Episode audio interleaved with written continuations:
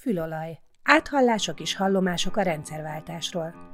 A Magyar Helsinki Bizottság podcast sorozata. A mai adásban a 80-as évek és a jelen hazai sajtójáról beszélgetünk. Bemutatom vendégeinket. Haraszti Miklós író, újságíró, politikus. 1966-ban szélsőbalos rendszerkritikus tevékenysége miatt rendőri felügyelet alá helyezték. A Vörös Október traktorgyárban dolgozott marósként. Ott szerzett tapasztalatai alapján írta meg a Darabbér című könyvét, amely miatt államellenes izgatás címén letartóztatták. Két heti éjségsztrájk után nyolc hónapos felfüggesztett börtönbüntetést kapott az utolsó íróperben. Publikációs tilalom alatt állt egész a rendszerváltásig. A hazai szamizdat mozgalom egyik elindítója lett. Alapításától kezdve az illegális beszélő egyik szerkesztője volt. Az 1986-os A cenzúra esztétikája című műve ma is alapkönyve a Kádár korszak iránt érdeklődőknek. A rendszerváltás után az SDS országgyűlési képviselője lett, sajtó- és médiaügyek szakértője. 2004 és 2010 között az EBESZ sajtószabadság biztosaként tevékenykedett. Másik vendégünk Murányi Gábor újságíró, szerkesztő, sajtótörténész. A 70-es években a Magyar Nemzetnél kezdte újságírói pályafutását. Tevékeny részese volt a napilap felfutásának és a sajtószabadság kirobbanásának. 1991-ben mégis otthagyta a lapot, mert nem kívánt közreműködni a Magyar Nemzet kormánypárti lappá történő átalakításában. 1993 óta a HVG munkatársa. Számos, többségében sajtótörténeti könyvet írt. Neki köszönhetjük azt is, hogy a köztudatban nem enyészett el végleg Lajos Iván legitimista történész tragikus alakja. Tekintsük át egy kicsit ö, ö, olyan szempontból a, a 80-as évek ö, sajtóját, hogy ö, mi az, amit ö, valójában nem lehetett. És ezt honnan lehetett tudni, hogy mit nem lehet? A kezdeném én, hát elsősorban a cenzúra államszocialista fajtája uralkodott az egész civilizációban, mit tudom én, Karl Marx stadtól egészen Komszomolsk, Amure, szélső szibériai városig. Ugyanaz a lényeg, hogy állami tulajdonban vannak az összes kommunikációs eszközök, és állami alkalmazásban vannak az összes kommunikátorok. És ennek következtében nem válik szét, mint korábbi és mai cenzúra rendszerekben az alkotás és a kontroll, hanem az alkotók maguk felelősek a kontrollért.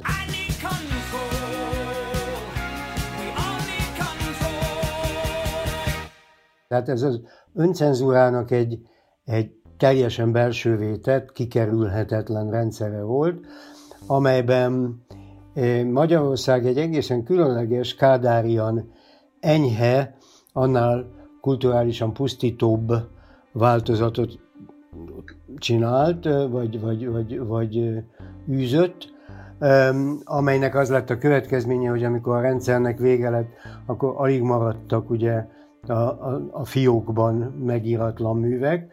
Nevezetesen a főszerkesztői rendszer működött, amelyben az állam kinevezte a főszerkesztőket, és ők utána a maguk szociológiai köreinek megfelelően önálló politikát vihettek egészen egy hétig, amely utána a Fehérházban, ott a Dunaparton összegyűjtötték főszerkesztő értekezletek, és elmondták, mi volt rossz az előző héten.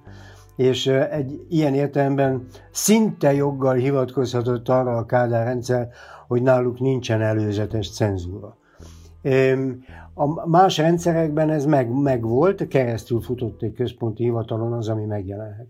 Természetesen ez ugyanolyan hatékony volt, azzal a különbséggel, hogy hát Magyarországon ugye 85-től kezdve, amikor elindult a pártosodás, nem kis részben a szamizdat hatására, akkor azért a nyomtatott újságok, ha, ha, és aztán jóval később a rádió, televízió valahogy elszabadult és először tükrözni kezdte a központi bizottságon belüli nézeteltéréseket, majd föl is szabadította magát, de erről Gábor sokkal többet tudna mondani. Még majd hozzátenném valamikor a podcast folyamán ennek a rendszernek az összehasonlítását a mai rendszerrel. Hogyne. Ez... Én, mint egy egykori állami alkalmazott tudok erről elsősorban beszélni, tehát én a 75 e, óta dolgoztam a Magyar Nemzetnél, és mindazt, amit Miklós mond, alapvetően nem kérdőjelezhetem meg, és eszemágába sincs megkérdőjelezni egyetlen írásom van, amelyre nagyon büszke vagyok 1988. decemberében, amikor a beszélő 25. száma megjelent, és ezt egy nyilvánosan bemutattuk a Jurta Színházban, amit nem tudom, még van-e valaki, aki erre emlékszik, a Város Ligetben volt, és ott a Őrsi Istvánnak volt egy nagyon jó mondata, nevezetesen, hogy most, hogy már majdnem legális a beszélő, azért ez nagyon rendben van, de azért egy stencilgépet azért rakjunk el félre, tegyünk félre, és ezt jó, ha megőrizzük. Gábor drága, ezt a Konrád, Konrád mondta ott.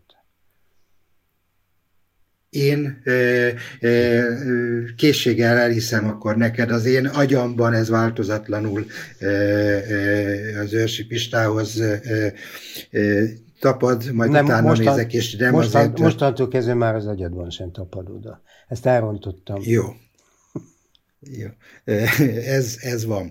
De minden esetre akkor 1988-ban én azt gondolom, hogy azt meg kellett írnom, és meg is írhattam már egy lazuló diktatúrában, és akkor erről fogok majd beszélni, hogy, hogy itt mennyire nem szerettem a számizdatot, nem azért nem szerettem, mert amit írt, hanem azért nem szerettem, mert nem volt kontrollálható, nem olvashatta mindenki, nem jutott mindenkihez hozzá. Tehát az nyilvánosság egy és oszthatatlan, és ezt üdvözöltem ebben a beszélőnek a mm, részében, hogy onnantól kezdve lehet vitatkozni, lehet beszélni, és netán azt is el lehet mondani, hogy mivel értünk egyet, és mivel nem értünk egyet egy-egy helyzetben, tehát ez a nyilvánosságról. Na most azt, amit Miklós mondott, hogy hatékonyan működött volna ez a cenzúra, ez az, amiben talán vitám van Miklóssal, nem volt hatékony. Állandóan újra és újra kisebb, nagyobb porszemek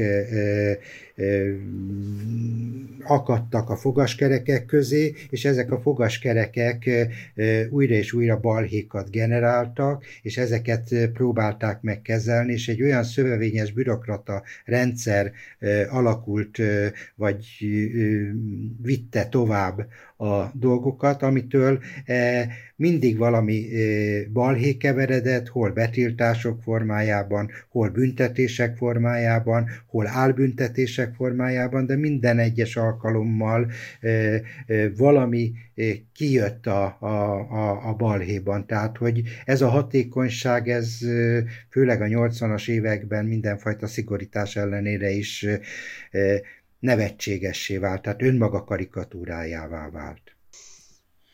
Igen, alapjában véve egyetértek a 85 utáni periódus leírásával, és hát, mint jeleztem, azután ugye lazulni kezdtek a dolgok hivatalosan is, ami a mindig jelzőt illető, hogy mindig valami balhé történt, azt azért enyhíteném, néha-néha, de hát ez csak olyan szerepet játszott, mint azt kell mondanom, mint a mai parlamentarizmus a mai Magyarországon.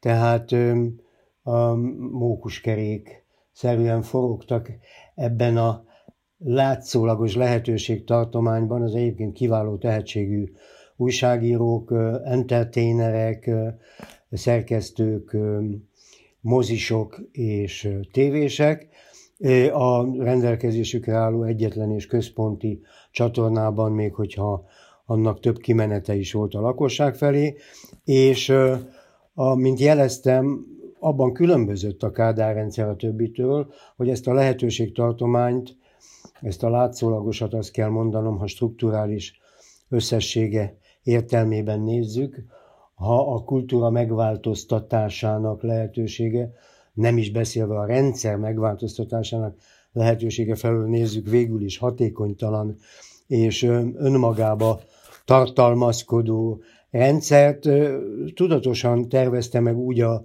az, az, az acéli kultúrpolitika, hogy legyenek olyan szociológiai köré, ahol, ahol az értelmiség szabadabban jut hozzá olyan anyaghoz, amely azért nem lukasztja ki a zsákot. Strukturális értelemben megint. Ilyen volt például a film, ilyen volt a film terjesztés, a művészmozik rendszere, ilyen voltak az elit folyóiratok, különösképpen egyébként a szociológiai folyóiratok, néhol az irodalmi folyóiratok, és a mozgóvilágnak, vagy a valóságnak, vagy a, vagy a, a, a, a, mi volt még a, a, amelyik így föllázott a, a tiszatájnak, tehát a mozgóvilágnak, a tiszatájnak, vagy a valóságnak, a balhéi, azok valóban jelentékenyek voltak, de némely erőik ilyenkor lecsatlakoztak a szamizdathoz. A szamizdat egyébként hülyen tudósított ezekről, tulajdonképpen nagy részt erről a szamizdatból tudott erről az értelmiség. Na most um, érintette a, a szamizdatot Gábor, kérdezem Vilmát, hogy később menjünk ebbe vele, vagy most, most én is elmondjam a, az én jellemzésemet a szamizdatról. A szamizdat én, nagyon... Én nagyon, és még egy előtte én azért azt szeretném, hogy, hogy hogy nyilván most nem egy beszélő emlékműsort akarunk csinálni, de azt azért vázol, vagy vázoljátok már föl, légy szíves, hogy hogy nézett az ki, amikor ez elindult? Tehát azért mégiscsak arról van szó, hogy központilag kinevezett főszerkesztők, cenzúra, sajtórendészeti védség, mindenféle, és mégis csak leülnek emberek, és elkezdenek csinálni egy újságot.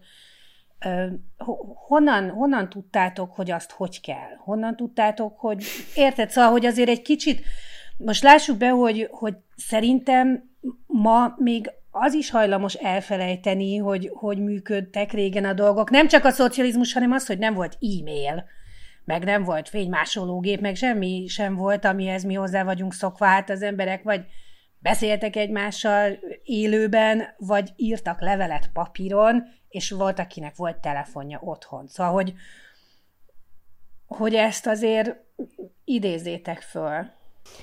Igen, hát azt kell mondanom, hogy a sajtórendészeti védség az nem létezett a szamizdat előtt, az a szamizdata adott válasza volt a rendszernek. Tehát nem létezett az a bűncselekmény, hogy engedélyezetlen nyomtatás, egészen addig, amíg a szamizdat, az engedélyezetlen nyomtatás létre nem jött. A szamizdat alapvetően szovjet diszidensek, majd lengyel diszidenseknek a példája nyomán jött létre Magyarországon. Az egész rendszerben Magyarországon volt, azt kell mondanom, a második legtömegesebb szamizdat. Lengyelországban még a Jaruzselszki pucsa, a szolidaritás másfél éves kettős hatalmának a leverése után is több szamizdat volt egy egy-egy lengyel kisvárosban, mint egész Magyarországon, viszont Magyarország az egész további blokk tekintetében bajnok volt a, a maga viszonylag tömeges szamizdat termelésével. A szamizdat gondolata a, az új evolucionizmus című Adam Michnik tanulmány, vagy a Magyarországon ugye a, a, a jogi forradalom, a, a, revo, a revolúció gondolata nyomán keletkezett, aminek a lényege egy olyan új demokratizálási taktika volt, az 56-os frontális forradalomba belebukott, és a 68-as belső reformban bízó demokratizálásba is belebukott Közép-Európában, amely, amelynek az volt a lényege, hogy a civil társadalomnak, de elsősorban a szabad beszédnek, a, a szigeteit meg kell teremteni, azokat kiterjeszteni, az ezen a tömegbázison pedig jogokat követelni, és ez tulajdonképpen ugye a szolidaritásban először meg is valósult, ha bár leverték másfél év után, a rendszerváltás később ezen a koncepción alapult. És ez a, a, a beszélő egy nagyon gondos szociológiai jellegű tervezés eredménye volt, ha bár már 80-ban összeállt az a társaság, amelyik elhatározta, hogy ezt megcsinálja, de különböző lakásokon, rejtett találkozókon három networköt alakított ki a beszélő szerkesztősége, amely, amelyet aztán egy, egyébként az AB független kiadó a legjelentősebb illegális könyvkiadó is használt és, és továbbfejlesztett, és ennek a lényege az volt, hogy külön szálon, külön, külön networkön jönnek be a kéziratok, aminek a csúcsán állt mondjuk így a szerkesztőség, amelyik vállalta névvel magát és címmel azért, hogy minket érjen represszió, és ezzel a kádárrendszerben tulajdonképpen nem kívánatos nyilvános perek el, elkerülhetőbbek legyenek. A második természetesen a, a, a nyersanyag, papír, festék, gépek beszerzése és maga a nyomtatás volt, és a harmadik volt csak a terjesztés, amelynek a végső dolga az is volt, hogy a pénzt beszedje, ezért a szamizdatért, és azt visszacsorgassa valahogy a termelésbe. És ez olyan jól működött, hogy ha bár nem volt olyan száma a beszélő 27 illegális kiadásának, amelyből valami ne bukott volna le, de ez a három hónap különbség a megjelenések között elegendő volt ahhoz, hogy, hogy a nyomokat el lehessen földeni. Egyetlen egy szám, a 25. 56-os megemlékezés a 25. évfordulón, ez a beszélő bukott le teljes egészében. Egyedül, és azt újra lehetett nyomtatni.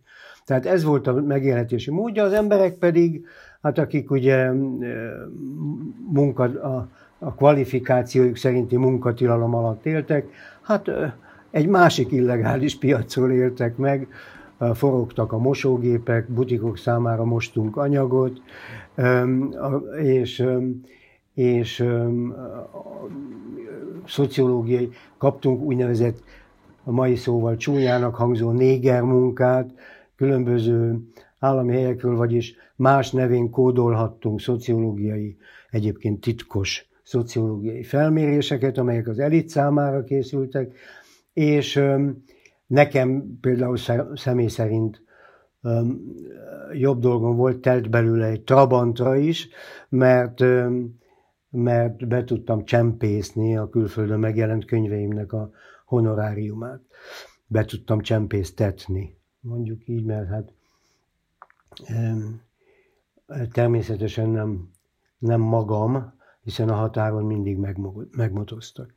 Na hát ez volt az életmódja a dolognak, és, és hát azt kell mondanom, hogy a szerkesztői és a tartalmi része a szamizdatnak nagyon gondos volt. Mi avantgard, az újságírás fact-checking, tehát tény ellenőrző rendszerének és az avantgardjának tudtuk magunkat, és tények tekintetében a mértékadó sajtóhoz igyekeztünk tartozni, ami nem létezett egyébként rajtunk kívül, legfeljebb minőségi az írók tehetsége miatt, de mértékadó abban a tekintetben, hogy a tények, az itt közölt tényekhez igazodni lehet, ebben a tekintetben szerintem egyedül a beszélő létezett, és ennek a módja az volt, hogy korrigáltuk magunkat. Tehát az, ön, az önkorrekció, mint a minőségi újságírásnak tulajdonképpen a tulajdonképpeni tevékenysége, ez nálunk megvolt. Ha, ha hibáztunk, tényekben azt mindig korrigáltuk. A témáink pedig a, a, a titkolt, a tabu témák voltak, ez tulajdonképpen Vilma első kérdéséhez tartozik, hogy a, az a bizonyos irányított rendszere a sajtónak tabukkal élt.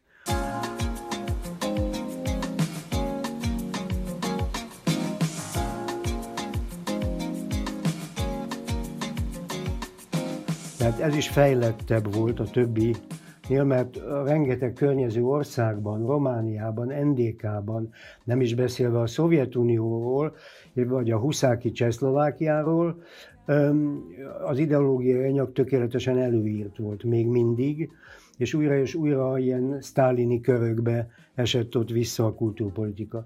Nálunk azonban inkább csak a tabuk rendszere létezett, vagyis meg volt mondva, miről nem szabad írni, és a heti tájékoztatókban azért témakörök elő voltak irányozva, de viszonylagos szabadsággal lehetett azokkal is élni, és más és más módon meg, meghangszerelni.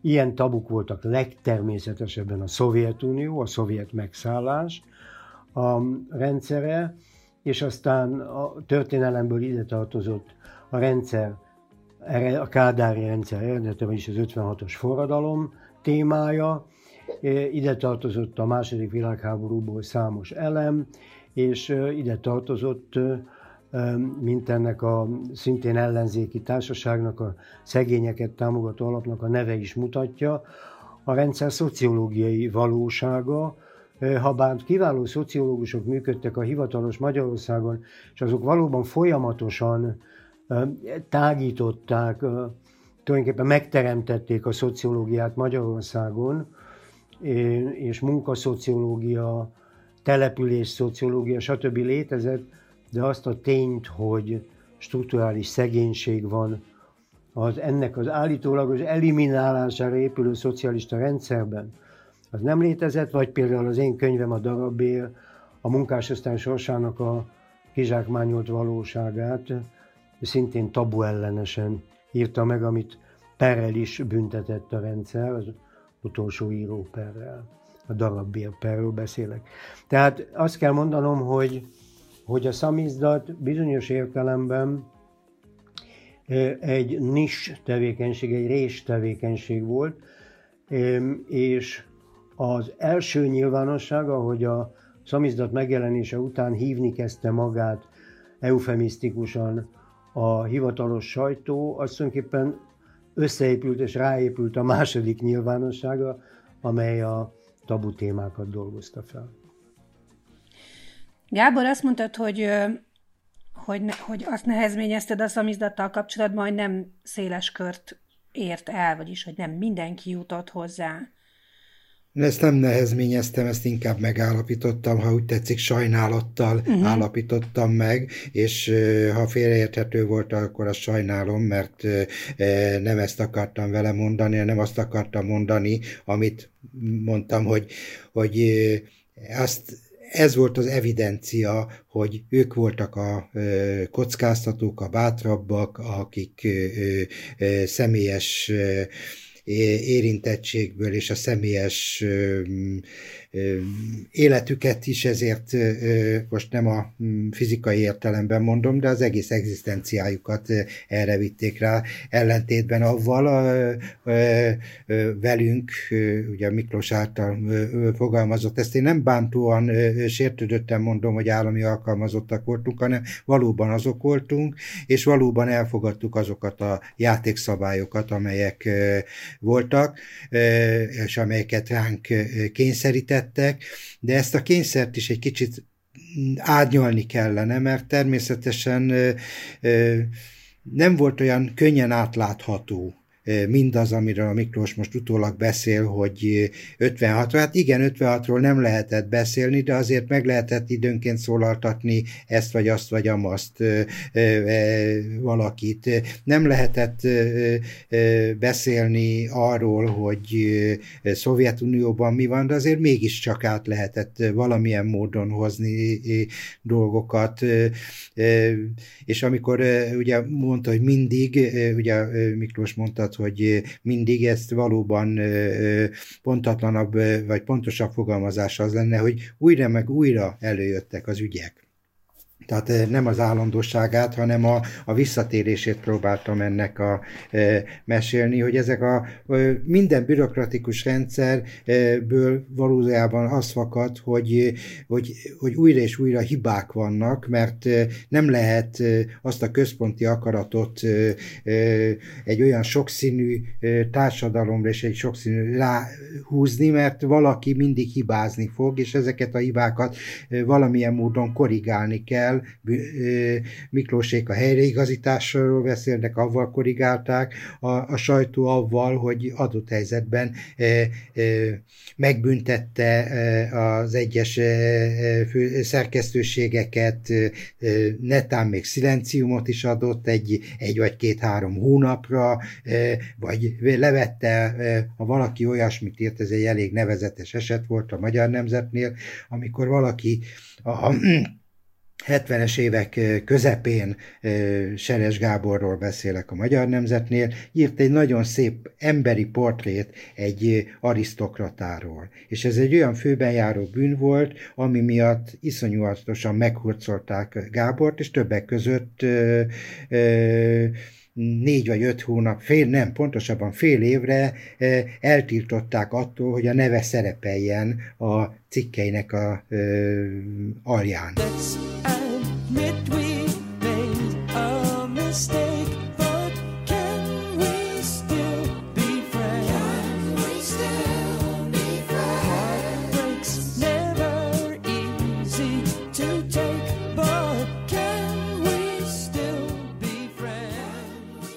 de voltak a prémium megvonások, és ezek az újra és újra ügyek egyre nevetségesebbekké váltak, és egyre minél erősebben próbálta ezt a hatalom lenyomni a torkan, adott helyzetben egy lap felfüggesztésével, tiltásával, megakadályozásával újra és újra előjött az, hogy, hogy ez nem működik. Egy, tudnilik azt a kettősséget nagyon nehéz volt egyberakni, nevezetesen, hogy ez egy szocialista demokrácia, ez egy demokratikus ország, és antidemokratikus megnyilvánulásai vannak, és ezt, ezt a kettőt nem lehetett jól egymáshoz egyeztetni, és aztán jött a párton belüli dolog, hogy volt, aki egy kicsit közelebb próbált a valósághoz menni, és akkor ez, jöttek a kemény vonalasok, tehát hogy ez egy nagyon átstruktúrált és nagyon szövevényes rendszer volt, amely nagyon nehezen tudta azt végigvinni az én megítélésem szerint, hogy, hogy sikerre lehessen. A, a szamizdat és különösképpen a, a, a beszélőnek a megjelenése az például a Magyar Nemzet szerkesztőségében szóba került? Volt ott ennek visszhangja, volt-e olyan hatása, ami, ami Hát hogy ne lett volna, volt? volt egy személyes közvetítőnk, ugye Szász Pista barátunk, aki nagy, ott volt egy újságíró, egy kicsit nem komolyan vett újságírónak tekintődött, elképesztő módon hozta, és tőle vásárolhattuk, vehettük a, ezeket a lapokat, tehát ilyen értelemben mi hozzáfértünk a elsőből, és, és ez pontosan látszott, hogy ezt talán egyszer érdemes lenne kutatóként is megnézni, hogy milyen hatással volt ránk, újságírókra, akik olvastuk, hiszen az, az a szókimondás, a, a, a nevén nevezés az egy mámorító érzése volt, és ezt a mámorító érzést mi a e, rendszerváltásnak az utolsó előtti éveiben, tehát mondjuk 87 tájától e, iszonyatos módon élveztük, és minden egyes alkalommal e, átértük ennek a mámorító voltát, hogy e, én, én azt például soha nem fogom elfejteni, nyilvános sajtót, nem tudom, hogy ezt mi neveztük első nyilvánosságnak, vagy mármint amik újságírók, akik ott voltunk, vagy ez egy közmegegyezés alapján lett, hogy első és második nyilvánosság, ezt nem tudnám megmondani, de azt igen, hogy olyan mámorító érzést jelentett az, amikor én 88-ban ültem a, szám, a számítógépem, az írógépem előtt, vertem a írógépet, és 56-ról valamilyen hogy mondjam, közvetetten írtam, tehát nem 56-ról, csak arról, hogy, és hát gondolkodtam azon, hogy ugye voltak a sajnálatos események, voltak a 1900 az enyhébben, hogy 1956 októbere, mert ugye ez egy ilyen semleges megfogalmazás volt. Miként ítéli meg Kádár elvtárs ma az akkori helyzetet? Igen. Hát én életkoromnál fogva is ahhoz a korosztályhoz tartozok, amelyik jelen volt a 30 évvel ezelőtti eseményekben, és a helyzetem olyan volt, hogy akkor is kellett nyilatkoznom, hogy milyennek ítélem meg a helyzetet. Ez nyilvánosan hangzott el. Az én nézetem ugyanaz, amit akkor hangoztattam ezekről az eseményekről. És emlékszem, hogy akkor vettem egy mély levegőt, és leírtam azt, hogy forradalom. Be, beleütöttem a gépbe, hogy forradalom, és, és leadtam.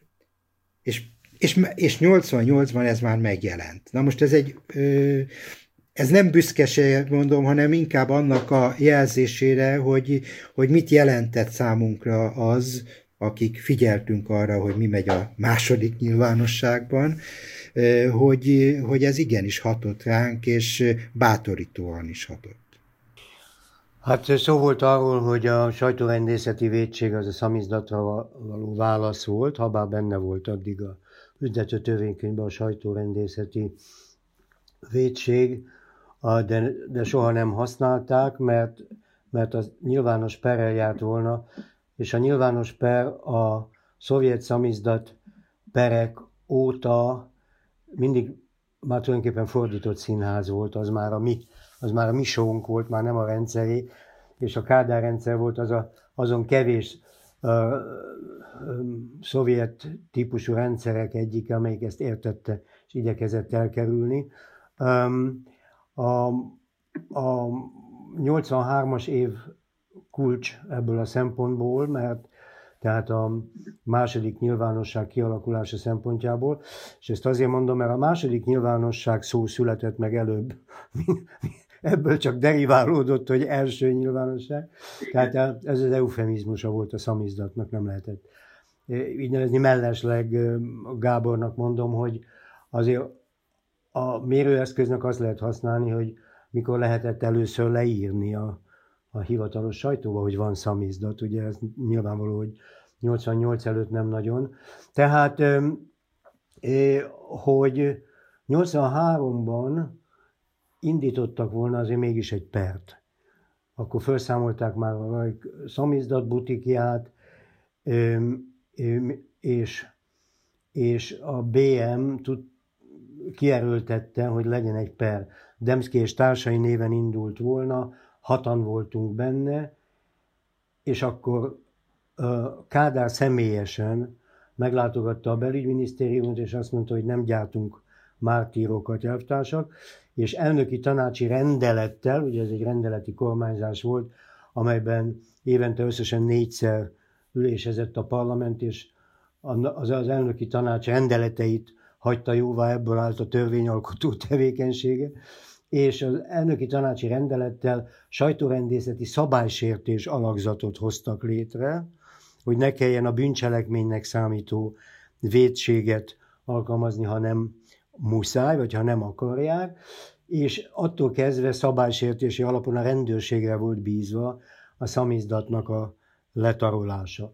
Én akkor ezt eszébe, ami a szamizdatban jelent meg, úgy neveztem ezt, hogy arról a szovjettől örökölt eszmétől, hogy gyökerestül ki kell tépni ezt a nyilvánosság autonómiát, átálltak a fűnyíró tevékenységre, ami túl magasan nő, azt lekaszálják, de lemondtak ezzel történelmileg arról, hogy tövestül kiírtsák. És, és megpróbáltak bizonyos értelemben ilyen fűnyíró módon együtt élni ezzel, és a fűnyíráshoz hozzátartozott, hogy a magyar nemzetben és a többi első nyilvánossághoz tartozó labban ezekkel az utólagos módszerekkel, szilenciummal, büntetéssel, a, a poszt főszerkesztő értekezetek rendszerével rendben tartani, és utána menni annak, hogyha el akar, el akar szabadulni, és ahogy a Gábor mondja, természetes volt, hogy az mindig el akart szabadulni, hiszen nyitott személy és tehetséges emberek dolgoztak benne, akiknek azonban hát ez volt a megélhetési kerete.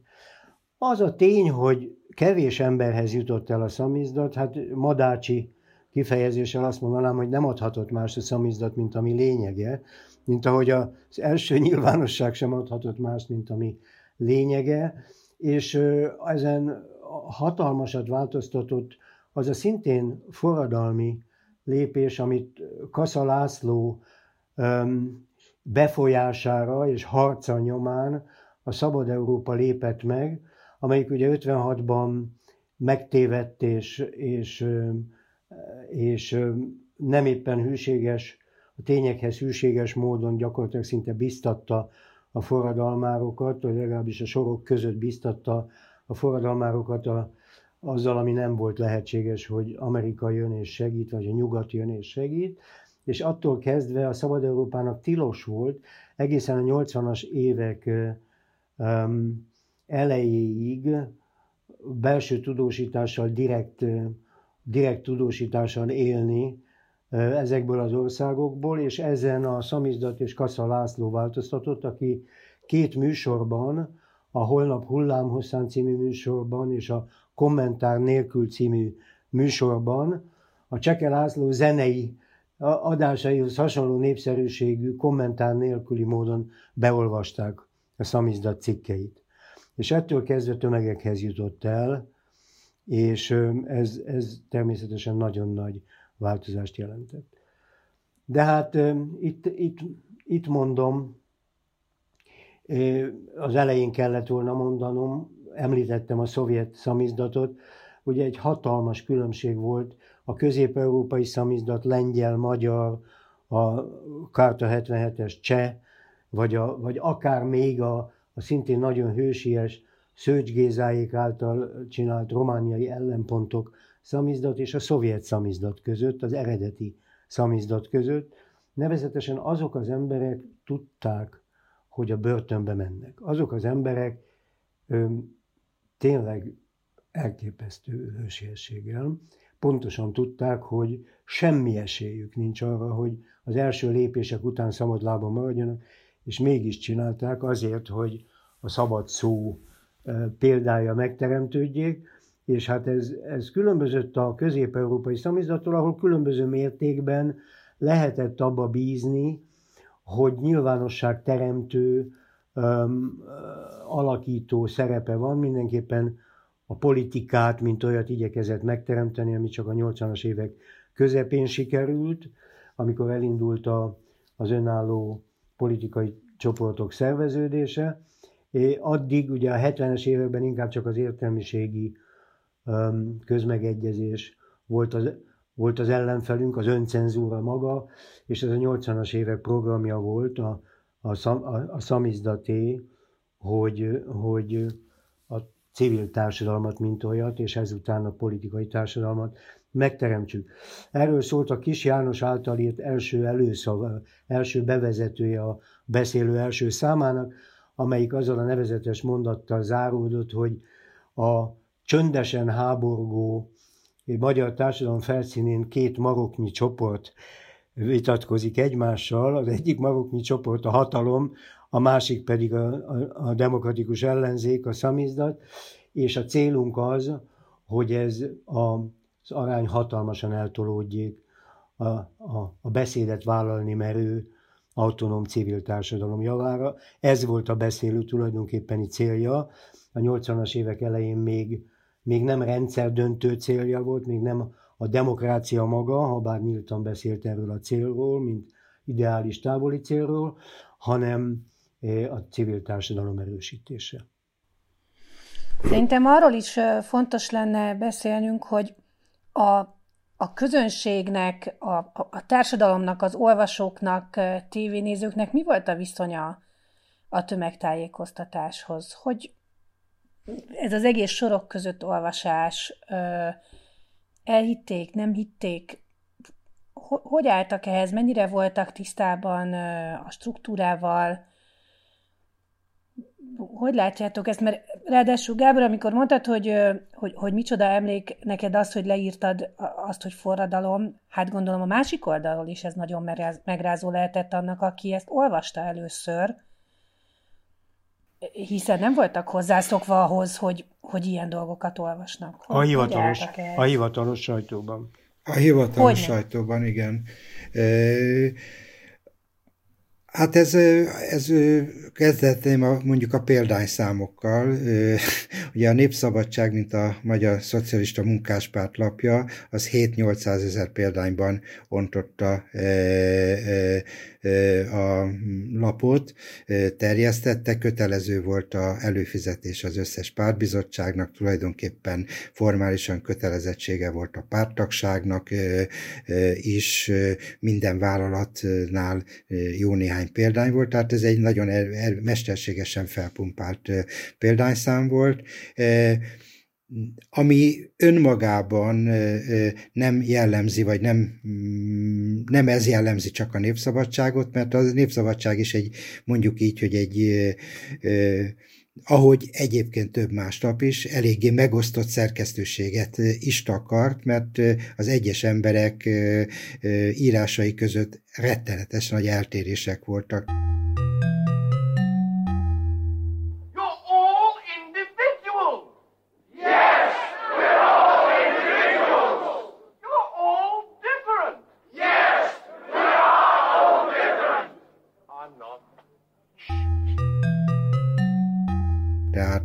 A progresszívtól a teljes szemellenzőségig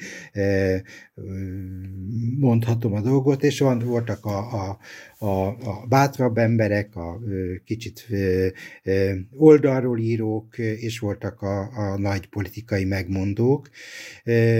És ugyanez egyébként a Magyar Nemzetnél is abszolút módon jelen volt, tehát nem azt jelentette, hogy a Magyar Nemzet, amelyiknek a példányszáma valamikor a 80 8 táján ért el egy csúcs példányszámot, akkor 200 ezer példány ostromolta, ami egy, ugye mesterségesen le volt szorítva a Magyar Nemzet példányszáma, mert hogy melyik lap mennyit jelenthet, ez, ez is kvázi valamilyen módon központilag volt szabályozva, mégis az érdeklődés által pumpálódott fel ez a példányszám is, és ott is megvoltak a maguk teljesítő emberei, akik vezércikkekben, különféle cikkekben megmondták azt, ami éppen mi a hivatalos, és mellette voltak jó néhányan, talán magamat is hozzájuk merem sorolni, akik valamit módon próbáltuk tágítani azokat a határokat, amelyekről úgy, ért, úgy érzékeltük, hogy jó lenne, ha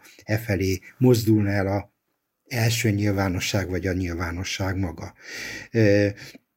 De azt, hogy az olvasók hogy reagáltak erre, erre nagyon kevés olyan biztos adat van, tehát nagyon sok mindent tudok olyat mondani, hogy hány levelet kapott az ember, meg a szerkesztőség erre, meg arra, meg amarra, meg megdicsérték, meg e, melegebb éghajlatra küldték, attól függően, olvasótól függően, de hogy az országos levéltárba elég sok minden bekerült, például azok a mm, havi negyedéves jelentések, amelyek kötelezőek voltak a levelezési rovatoknak a vezetői kötelezve voltak arra, hogy összesítsék az egyes leveleket, és elképesztő összesítések születtek arról, adott helyzetben nagyon progresszív jelentések arról, hogy mi is a valós helyzet a világban, és a, a, a, a olvasmányélmények, mert ugye ezek azért olvasmányélmények ihlették az olvasói leveleket, illetve adott helyzetben feljelentője, feljelentések is születtek, hogy és a belügynek átadtak nagyon sok olyan levelet, amely éppen ugye ellenséges propagandát űzve névtelen leveleket küldtek, és hát ezek tűrhetetlenek. Tehát ebben is nagyon nagy a, változ, nagyon nagy a változékonysága, hogy mi van. Azt hiszem, hogy az igazabb vagy valósabb szóra éhezve elég sokan inkább csak avval, a lábukkal, vagy pontosabban a pénztárcájukkal, előfizetésükkel szavaztak ezekre a lapokra. Tehát azért az nem volt véletlen, hogy a Magyar Nemzet példányszáma ebben a 80-as években megugrott, Teszem hozzá egy olyan pillanatban, és egy olyan pillanat után, ami 1982-ben történt, 1982, Miklós 83-at mondott, én 82-ben lett Lakatos Ernő a Agitációs és Propaganda Bizottságnak a vezetője, az Agitpropnak a vezetője. Agyamban kopasz szenzorű, minden szavamra ezer fül. Valaki helyettem gondolkodik. Valaki helyettem távozik és egy ilyen nagyon kemény vonalat próbált meg eh, diktálni a magyar sajtónak, többek között azokat a főszerkesztőket, amelyek, akik eh, eh, már nem nagyon tudtak eleget tenni, vagy másképp, vagy nem bírtak a munkatársaikkal, vagy a lapot szabadjára engedték, leváltották, tehát így leváltották a népszavának is, a Magyar Hírlapnak is, és a Magyar Nemzetnek is a addigi főszerkesztőit, akik egyébként félreértés ne essék, nem hősök voltak, és nem csak valahogy újságírásban gondolkodtak, és jött helyette több jóval kemény vonalasabb ember, többek között Magyar Nemzethez Soltész István, akiről köztudott volt, hogy azért jött, hogy rendet teremtsen ebben a szerkesztőségben, zárójeles megjegyzés, mert vele is készítettem egy életút interjút. Ő úgy értelmezte a saját megbízását, hogy Acél Györgytől kapta azt a megbízást, hogy meg kell mentenie a magyar nemzetet a jövő számára. Hányszor ismétlődik ez azóta? E, igen, tehát, hogy, e, e, hogy a történet így van, és igen, és a magyar nemzet ebben a kemény vonal a Soltész Istváni időszakban érte a, a fénykorát, ő 1989 cikk volt főszerkesztő, akkor lemondott, mert hogy már nem bírta, de ez az az időszaka a magyar nemzetnek, amikor hát ő 85 táján rájött arra, hogy, hogy nem bírja ezt a kettősséget, és akkor úgy bedobta a gyeplőt, és onnantól kezdve e, e, azt kell mondanom, hogy egy kicsit ilyen önjáróvá is vált maga a szerkesztőség, messze menően nem függetlenül attól a társadalmi eróziótól, amelyik hát ez a 80-as évek közepétől érzékelhető volt. Tehát onnantól már nem lehetett jól kézben tartani a magyar nemzetet sem. Talán a rádió televízióban más volt egy kicsit a helyzet? Hogy emlékszel vissza erre? Hát a, ott, ott is egy ugyanolyan helyzet volt, ott is kialakult a rádiónak is a szamizdátja, ugye ez az éjféli műsors sávok, tehát éjjel 10 és 12 közötti, hát csak a vagy inkább 11 és 12, más. Igen, igen, de hát, hogy mondjam, hogyha most napokban olvastam egy kollégámnak egy könyvét, Farkas Zoltánnak a könyvét a rádióról, ahol egy felvilágosult pártbürokrataként elemzi Hás Istvánt avval, hogy, hogy ő, ő, ő végezetül is védte az embereit, mert ugye ez is egy nagyon nagy kérdés, hogy mennyire akartak az egyes főszerkesztők a megfelelni, vagy mennyire próbáltak ügyeskedni és a munkatársaikat is védeni. Hás István az elmondások, leírások szerint a védő szárnyát bontogatta. Ugyanez végezetül is avval, amit a sortészről mondtam, az szintén ugyanezt jelentette, hogy ő keménykedett, keménykedett, de például amikor büntetéseket, én soha nem fogom azt elfejteni, amikor nekem eh, megvonták negyedéves prémiumot, egy olyan időszakban, amikor én nem kaphattam prémiumot. Tehát formálisan, tehát hazugságokra ment az egész, megvontak valami büntetésnek jelentették, hogy megvonták a prémiumot, és nem volt prémium, mert én nem voltam a, eh, abban a körben benne, amelyik prémiumot kapott volna. Én legfeljebb emelt honoráriumot kaptam adott helyzetben, vagy eh, tehát, hogy, hogy hogy ez az egész egy ilyen nagy színjáték is volt ugyanakkor. Um, sajnálatos, sajnálatos módon mm, ez egy olyan színpad, amelyiket ma is nagyon pontosan látunk. Hát, hát ez, ez egy megér, megér ugyanezt a, e, e, ha, ha Vilma megengedi. Hogy ugyanez a, ugyanezt ismételjük most, vagy ismétli a, a, a mai kormányzatunk, hogy... Nem, ért, hogy nem, nem, értek egyet, nem értek egyet sokkal. Uh-huh. A Cashman belül, tehát a hivatalosan állami, vagy állami érdekeltségű, mindenképpen akár magántulajdonú, akár köztulajdonú a kormány e- által irányított sajtóban jóval rosszabb a helyzet ma, azon belül. Ja, nem, ebben, mint ebben a, nincs közöttünk vita, bocsánat, mint, mint a 80-as években. években megmondom miért, szerintem azért, mert, mert ezeknek a főszerkesztőknek nem egyszerűen a tehetséges munkatársaikat kellett védeniük, hanem az is hivataltól adott feladatuk volt, hogy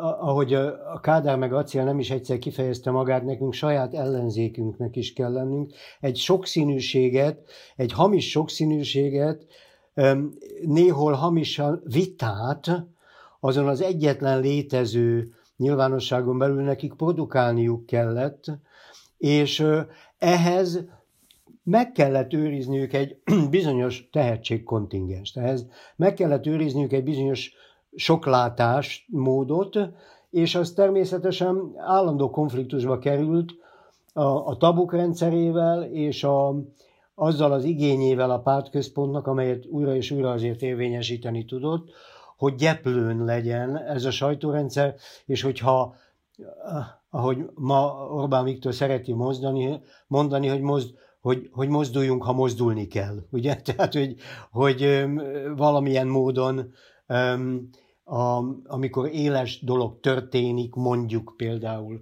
az amerikaiak holdra szállnak, vagy pedig Afganisztánban vesztésre áll a játék, vagy pedig Magyarországot be akarják már léptetni mondjuk a, a, a nemzetközi szabadkereskedelmi rendszerbe, vagy valami hasonló, a, ne az túlzás, mibe is akarták a, a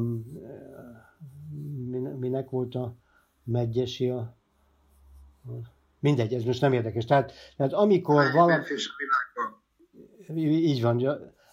A világban akkor, amikor, tehát gazdaságilag valamilyen a külpolitikai nyitásra készült a rendszer, vagy, vagy éppenséggel zárnia kellett, akkor ennek a sajtónak azért alapvetően ezt támogatnia kellett, és ez, ez az igénye a főszerkesztőknek, hogy ilyen mozdítható gyeplőn maradjon a sajtó, állandó ellenmondásba került, azzal a jellegzetesen kádárista igényel, hogy, hogy az 56 utáni az értelmiséggel kötött kompromisszum, vagyis az, hogy nálunk nem börtönöznek, 63 után gondolatbűncselekményért, hogy ez valahogy egyensúlyba kerüljön, és meg lehessen őrizni azt a jó indulatát az értelmiségnek, amely abból az illúzióból állt, hogy ezen a rendszeren belül azért mégiscsak lehetséges nem egyszerűen egy bizonyos szint megőrzése a többi országhoz képest, nem egyszerűen a magyar kontraszt hatás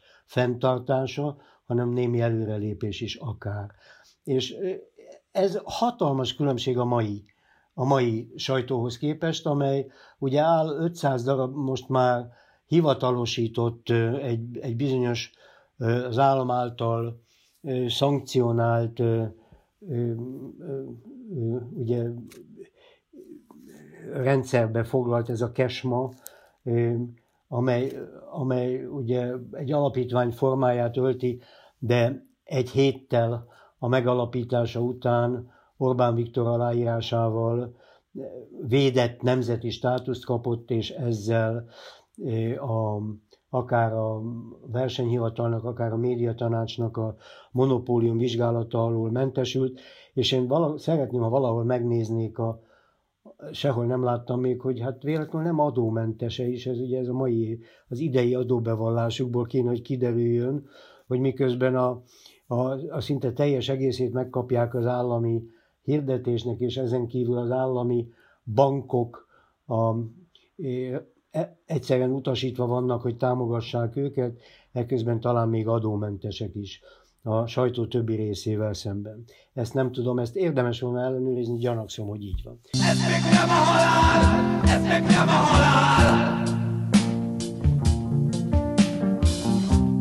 Minden nap újra erre jár. Tehát ez, ebben a rendszerben semmiféle sokszínűség, semmiféle vita nincs. Itt a legszovjetebb abszolút ideológiai parancsuralom uralkodik, olyan, amilyen Magyarországon 56 előtt, olyan, amilyen a Huszáki Csehszlovákiában, amilyen az NDK-ban, amilyen a Szovjetunióban, még a 80-as években is, egy bizonyos ideológiai vonalat a legszimplicistább módon állandóan űzni kell, egy egy gyökerűre, egy tényezősre, vagy ahogy nálunk mondani szokták, két bitesre le, lecsupaszított propagandát, ahol van a gonosz és van a fény, és a fény a kormány, és kétfajta üzenet van, a sikerpropaganda az egyik oldalról, és ellenzék, meg külföldi gyalázás a másik oldalról. És ez egy hatalmas különbség, hogy ma ugyan az alkotmányban biztosított szólásszabadsághoz nem nyúlnak hozzá, ahogy a Kádár rendszerben tilos volt a szólásszabadság, de a másik, ha nem ennél is fontosabb média szabadsághoz, a pluralizmushoz, a, a média pluralizmushoz annál inkább. Gyakorlatilag az internetre beszorították a, a, a szabad médiumok sorát. Egyetlen egy televízió maradt, amelyiknek a, amelyik kábelen, ugye az ATV, vitaműsorokat produkál, egyetlen egy nemzeti tévé maradt, amelynek közszolgálati minőségű a híradója az RTL Klub, és egyetlen egy fővárosi rádió maradt a Klubrádió.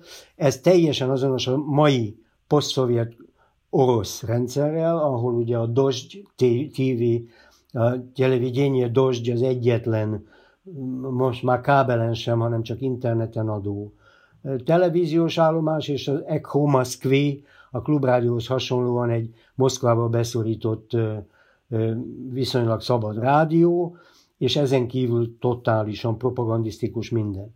Tehát haladunk e felé a rendszer felé minden nap. Tegnapi hír, ahogy beszélgetünk, hogy végképp ugye a Vasili, tehát a, a rendszer legfontosabb operátora tulajdonába került az Index végül is, mint ahogy ezt a, a, a fölállt indexesek sejtették egy egy, egy, kevesebb, mint egy évvel ezelőtt, amikor felálltak, hogy ez lesz a sorsuk.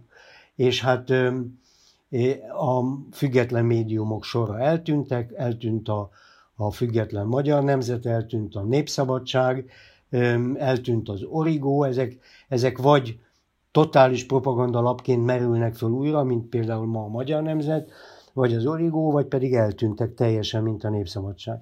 Tehát egy, az a különbség van ma, hogy ami a rendszeren belül van, és az a túlnyomó része a rendszernek, az ott megszűnt a szólásszabadság, ott nincs független újságírás, ott nincs vita, az azon kívüli rész pedig... Nincs újságírás. Nincs újságírás, igazi. Ott nincs újságírás. Popa, mészáros munka van, mondjuk így, hogy mészáros munka van, ugye? Igen. És, a, és a, a rendszeren kívüli rész pedig olyan minimálisra lecsökkent, és szociológiailag olyan beszorított, hogy például vidéken semmiféle független sajtó nincs, az, aki interneten halászik hírekre, az megkaphatja. Tehát, hogy mondjam, az internet korszakhoz igazodva ma már független hírt és véleményt csak on-demand médiával lehet kapni, tehát ahol megkeresem, ahol rákeresek. Tehát ahol, ahol push média van, tehát mint amilyen régen volt a sajtó, rádió, televízió, minden, hogy ezt előfizetni lehetett, odajött, vagy műsorrend szerint lehetett látni, hogy mi fog, olyan ma már független sajtó gyakorlatilag nincs, és egyre kevesebb. Naponta, ahogy haladunk előre, a sorsdöntő 2022-es választás felé, egyre inkább Belarus a rendszer, ahol ugye rendszeresen a választások előtt mindig megérkezik igaz, ottan posztszovjet módra tömegterror kíséretében is, ideáig mi még nem jutottunk el a, a, a, a vigyázat, a hivatalos vigyázat. Az olvasók és a nézők ö, viszonya ehhez a mai ö, sajtóvilághoz, az mennyiben különbözik a, a, a Kádárkoritól?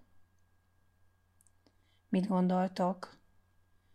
Mert nekem, lehet, hogy ez csak a nosztalgia mondatja velem, de nekem valami olyan érzésem van, hogy régen az emberek érezték, hogy az nem igaz, hogy tudták.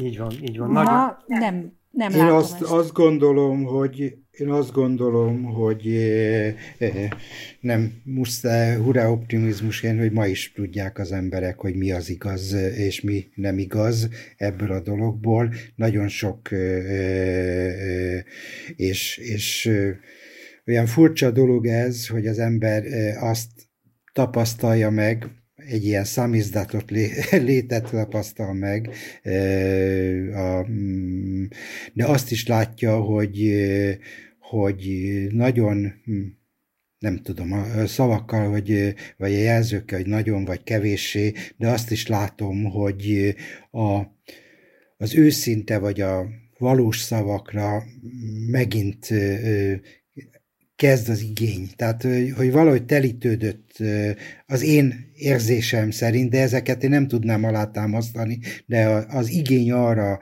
hogy, hogy, hogy mi, mi is a valós helyzet, erre növekszik az igény nem tudom, hogy mennyire vagy sem, meg, de ez egy ilyen személyes tapasztalatom, hogy egy-egy olyan írás, amelyik mondjuk a, én a HVG-nél dolgozom most, ugye, hogy a HVG-nek például a, a internetes változata 360, az kifejezetten mm, azt mutatják az előfizetések, hogy, hogy, hogy, hogy van egy nagyon nagy igény arra, hogy ha már másképp nem jut el, akkor az interneten kapjuk meg.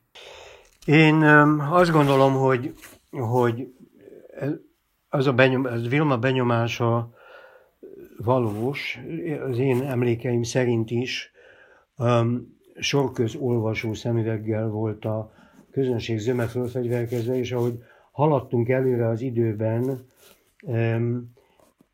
ez egyre inkább így volt, és hát az az átváltozás, amiről Gábor is beszámolt, ennek a következménye. Ma azonban egy megosztott közönség van. Ma ugye azt, azt kell mondanom, hogy a, a, a demokráciának az a következménye valósul meg, hogy ugye szavazatok útján kerül a hatalom a, a, a befolyás birtokába, és a kormányzó párt, erről szól az illiberális demokrácia elmélete, ugye mindent föltesz arra a lapra, hogy egy olyan szavazói bázist teremtsen magának, amelyet aztán különböző jogi trükkökkel föl tud tupírozni parlamenti diktátummá. Többség. De, de az, egy, az egy jelentős különbség a régi rendszerhez képest, amikor egyre csökkenő mértékű volt a párt szavának hívő, ne Isten marxista meggyőződésű közönségbe.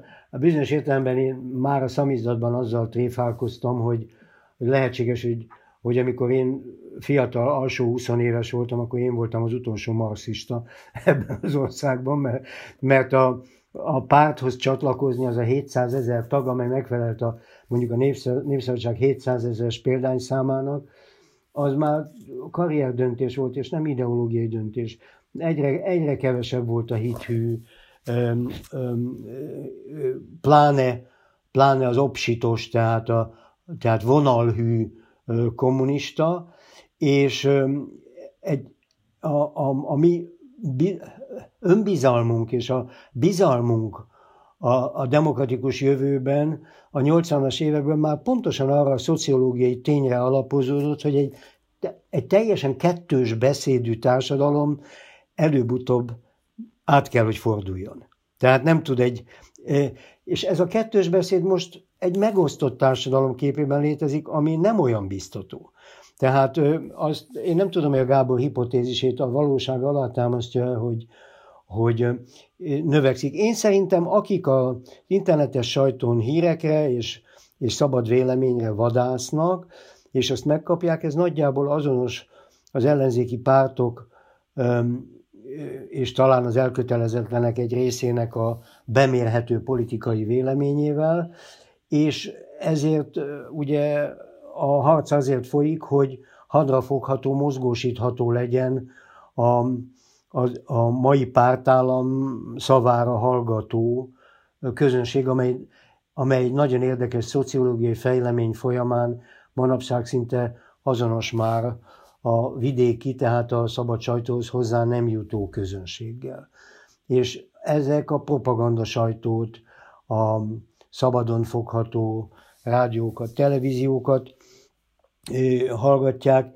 Az egyik legnagyobb csapás ugye a nyilvánosságra az, ami a rádiók terén van. Hatalmas a befolyásuk, és Magyarországon a zenerádiókat be tudták fogni a propaganda, tehát minden egyes ember Magyarországon, férfi vagy nő, aki, aki a mollokban shoppingol, vagy aki, vagy aki otthon házi munkát végez, vagy, vagy, vagy bármi hasonlót csinál, ami zenerádió kíséretében, vagy autót vezet, ugye, ami zenerádió kíséretében csinálnak az emberek, azok óránként három percben meghallgathatják a, a Kesma híreket, gigantikus befolyású dolog. És ez, ez messze túl a vidéken. Tehát, tehát az az igazság, hogy, hogy ilyen tekintetben rosszabb a helyzet, amelyhez hozzájárul az, hogy az illiberális demokrácia abban az értelemben még valóban nominálisan demokrácia, hogy végül is szavazatokon múlik, és még egyenlőre a te, az abszolút tömeges szavazathamisításig a magyar rendszer még nem jutott el.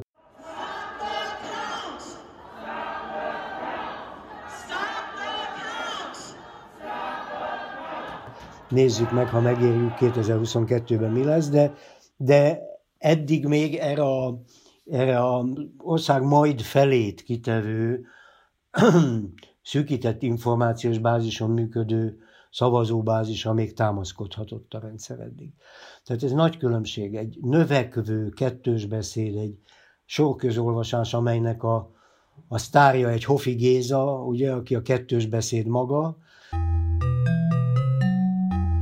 Aranydrága szíveim!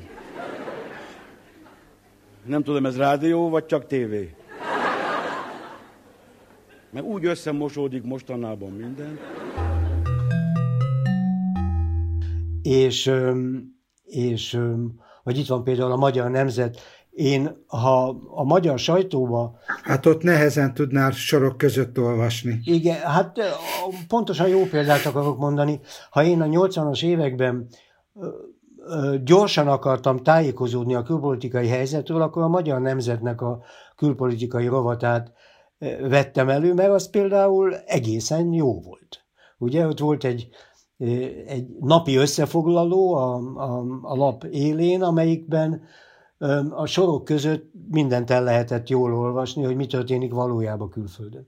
Belföldön nem annyira. Tehát a lényeg, hogy, hogy, hogy ez nagyon nagy különbség, pontosan olyan különbség, érdekes módon, amilyen a Kesmán belüli nyilvánosság és az akkori teljes sajtó, hivatalos nyilvános sajtó közti különbség, hogy azt kell mondanom, hogy ilyen értelemben attól az egy nagyon fontos ponttól eltekintve, hogy nem volt alternatívája, attól az egy ponttól eltekintve maga a tájékoztatás szinte megbízhatóbb volt a 80-as évek hivatalos sajtójában, mint a maiba. Mi lesz a sajtóval? Milyen, milyen jövőt láttok? Hát meg, meg kell dőlnie egyszer ennek a dolognak tekintettel arra a szerencsétlen körülményre, a szegény Orbán rendszer szerencsétlen körülményére, hogy Európa közepén vagyunk, és öm, előbb-utóbb a, a, a emberi jogokra a, és, a, és a szólásszabadságra alapított demokrácia ebbe az országba vissza fog térni, mert ennek azért nagyon erős, nagyon erős, hogy mondjam, igény van rá, és, és hát hogyha a rendszer kéleződne, és hivatalosan is eltolódna orosz, belorusz irányba, mint ahogy Orbán ugye pillanatban, miközben most beszélgetünk, éppen azzal a gondolattal játszik, hogy orosz és kínai kölcsönből pótolja majd ki, a, hogyha, hogyha Európa besokkal, és, és az emberi jogok a jogállam hiányosságai miatt megkurtítja a rendszerhez és a, a, és a, a, a politikai család tagjaihoz jutó pénzeket, hogy el tud-e ez jutni odáig, hogy a politikai rendszert és a nyilvánosságot is orosz és kínai jellegű alakítsa át, e, ezt én kétlem. Én azt gondolom, hogy előbb fog belebukni, és akkor egy nagyon kínos periódus következik, természetesen tökéletes demokrácia nincs, Mintaként a szlovák példát tudnám hozni, ahol Mecsiár idején ezt egyszer átélte már a szlovák demokrácia, és utána egy a maihoz készülődő, ma, ma, a ma Magyarországon készülődő hasonló többpárti koalíció buktatta meg, amely aztán idővel belebukott a saját maga öm, tipikusan demokratikus problémáiba, de soha többé nem tért vissza, pedig egy Ficó megpróbálta más módon megcsinálni, soha többet nem tért vissza az illiberális demokráciának az a mélysége, és ez ugye ebbe, ebbe például a, az Orbán által külön blokként tételezendő Visegrádi négy is belebukott a, a mai év, ebben az évben. És, és hát ugye leszűkült most erre a lengyel axisra a magyar a magyar illiberalizmus a lengyel-magyar tengerre. Én azt kell mondanom, hogy, hogy a magyar sajtó előtt fényes jövő áll.